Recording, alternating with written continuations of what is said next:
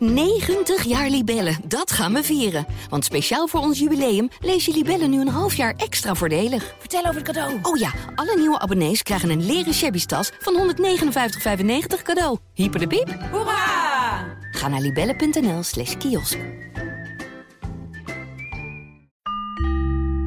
Alice in Wonderland. Achter de spiegel. Aflevering 50 door Celia Nuvaar. Zonder dat ze weet hoe die er gekomen is, merkt Alice opeens dat ze een gouden kroon op haar hoofd heeft. Nou, dit is grandioos, zei Alice. Ik had nooit gedacht dat ik zo vlug koningin zou worden. En ik zal u eens wat zeggen, majesteit, ging ze op strenge toon voort. Zichzelf een standje geven, daar was ze altijd nogal dol op. Het geeft absoluut geen pas om daar zomaar te liggen niksen op het gras. Koninginnen moeten statig zijn, hoor. Dus stond ze op en liep rond. Eerst wat stijfjes, omdat ze bang was dat de kroon zou vallen. Maar ze troostte zich met de gedachte dat niemand haar kon zien. En als ik echt een koningin ben, zei ze, terwijl ze weer ging zitten, krijg ik dat vanzelf nog wel onder de knie. Alle gebeurtenissen waren zo bizar dat het haar niet in het minst verbaasde toen ze merkte dat de rode koningin en de witte koningin vlak naast haar zaten, één aan elke kant. Ze zou ze heel graag gevraagd hebben hoe ze daar kwamen, maar ze vreesde dat het niet erg hoffelijk zou zijn. Maar er stak geen kwaad in, dacht ze, om te vragen of het spel was afgelopen.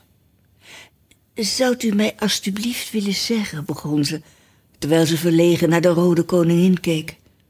Spreek als er tot jou gesproken wordt, onderbrak de koningin haar scherp. Maar als iedereen zich aan die regel zou houden, zei Alice, die altijd bereid was tot een kleine woordenwisseling, en als u alleen zou spreken als er tot u gesproken werd en de andere persoon altijd zou wachten tot u begon, dan zou er dus niemand ooit wat zeggen, zodat... Belachelijk, riep de koningin. Snap je dan echt niet, kind? Hier hield ze plotseling op. Ze fronste en na even nagedacht te hebben, veranderde ze plotseling van gespreksonderwerp. Wat bedoel je met dat als ik echt een koningin ben?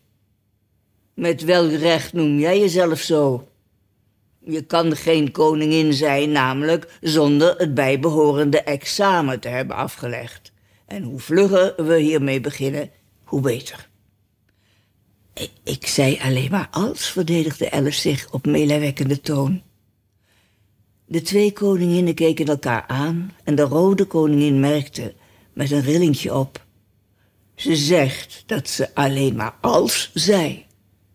Mm, maar ze heeft nog een heleboel meer gezegd, gromde de witte koningin, terwijl ze haar handen wrong. Oh, zo ontzaglijk veel. Dat heb je gedaan hoor, zei de rode koningin tot Alice. Spreek steeds de waarheid, denk voor je spreekt en schrijf het daarna op.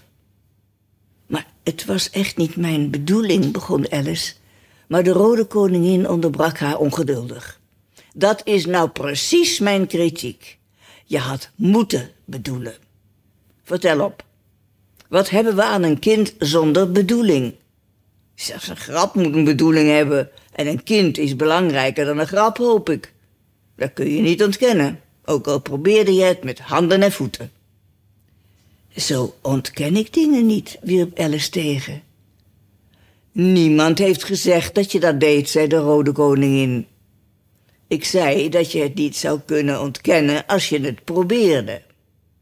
Ze is gewoon in zo'n stemming, zei de witte koningin, dat ze iets wil ontkennen. Alleen weet ze niet wat dan wel. Een naar, gemeen humeur, merkte de rode koningin op. En toen was er een ongemakkelijke stilte van een minuut of twee. De rode koningin verbrak de stilte door tegen de witte koningin te zeggen... Ik nodig je uit voor Alice dineetje vanmiddag. De witte koningin glimlachte flauwtjes en zei...